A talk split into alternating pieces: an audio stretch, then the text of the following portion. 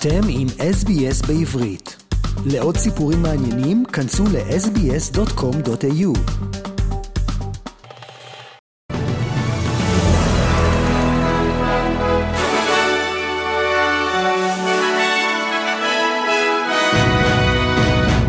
בצה"ל התירו לפרסום ביום שבת כי במהלך סוף השבוע נפלו ארבעה לוחמים בלחימה הקרקעית ברצועת עזה.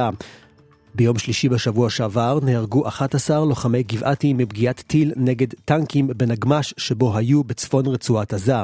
באותו היום נהרגו שני לוחמי סיירת גבעתי. נכון ליום ראשון, ה-5 בנובמבר, נפלו 29 חיילים מאז כניסת צה"ל לרצועת עזה. גורם ביטחוני בכיר אמר כי 20 אלף בני אדם נהרגו בתקיפות צה"ל ברצועת עזה מתחילת המלחמה, רובם מחבלים.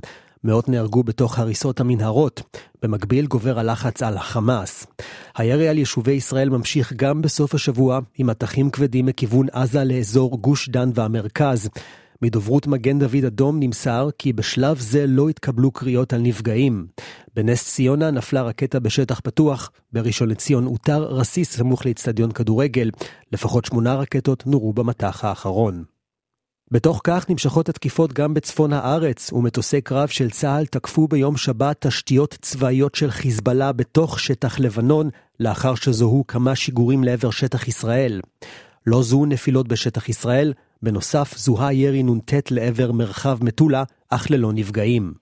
מזכ"ל חיזבאללה חסן נסראללה יצא בנאום ביום שישי בצהריים לראשונה מאז פרוץ המלחמה בין ישראל לחמאס, ואחרי כמעט ארבעה שבועות של חילופי אש בין ארגונו לבין צה"ל בגבול הצפון, שבהם נהרגו לפחות 60 פעילי חיזבאללה.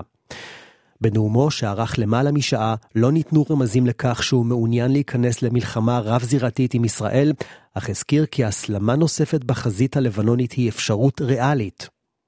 שר הביטחון יואב גלנט שב והזהיר כי אם נסראללה יחליט להיכנס ללחימה, זאת תהיה טעות איומה שתחריב את לבנון.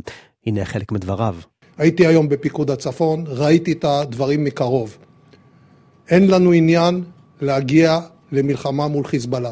אנחנו בהגנה חזקה, חיל האוויר משמר את עיקר כוחו על מנת לתת מענה לכל התפתחות בצפון, ויחד עם זה, אם נסראללה יעשה את טעותו של סינואר ויגרור את חיזבאללה למלחמה, לדבר הזה יהיו השפעות מרחיקות לכת על לבנון.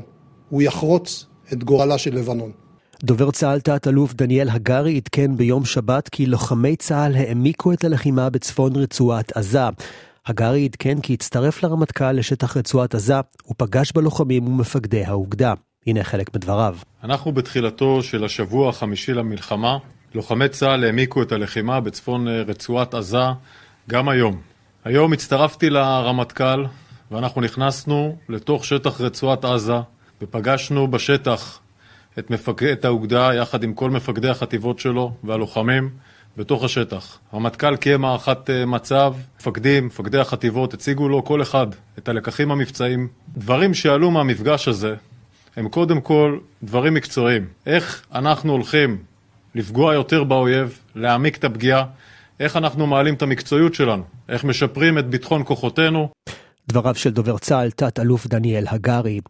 ונמשכת המתיחות ביהודה ושומרון, בצה"ל התקבל ביום שבת דיווח על פיגוע ירי בשומרון. לאחר מכן נמסר על אש שנפתחה לעבר כוח צה"ל, שבדק רכבים פלסטינים ליד הכפר נבי אליאס בחטיבת אפרים. במקביל ללחימה בעזה, צה"ל מנהל מדי יום מבצעי מעצרים ופשיטות על קיני מחבלים ומוקשים ברחבי הגדה. ועד כאן עדכון החדשות מרדיו SBS בעברית.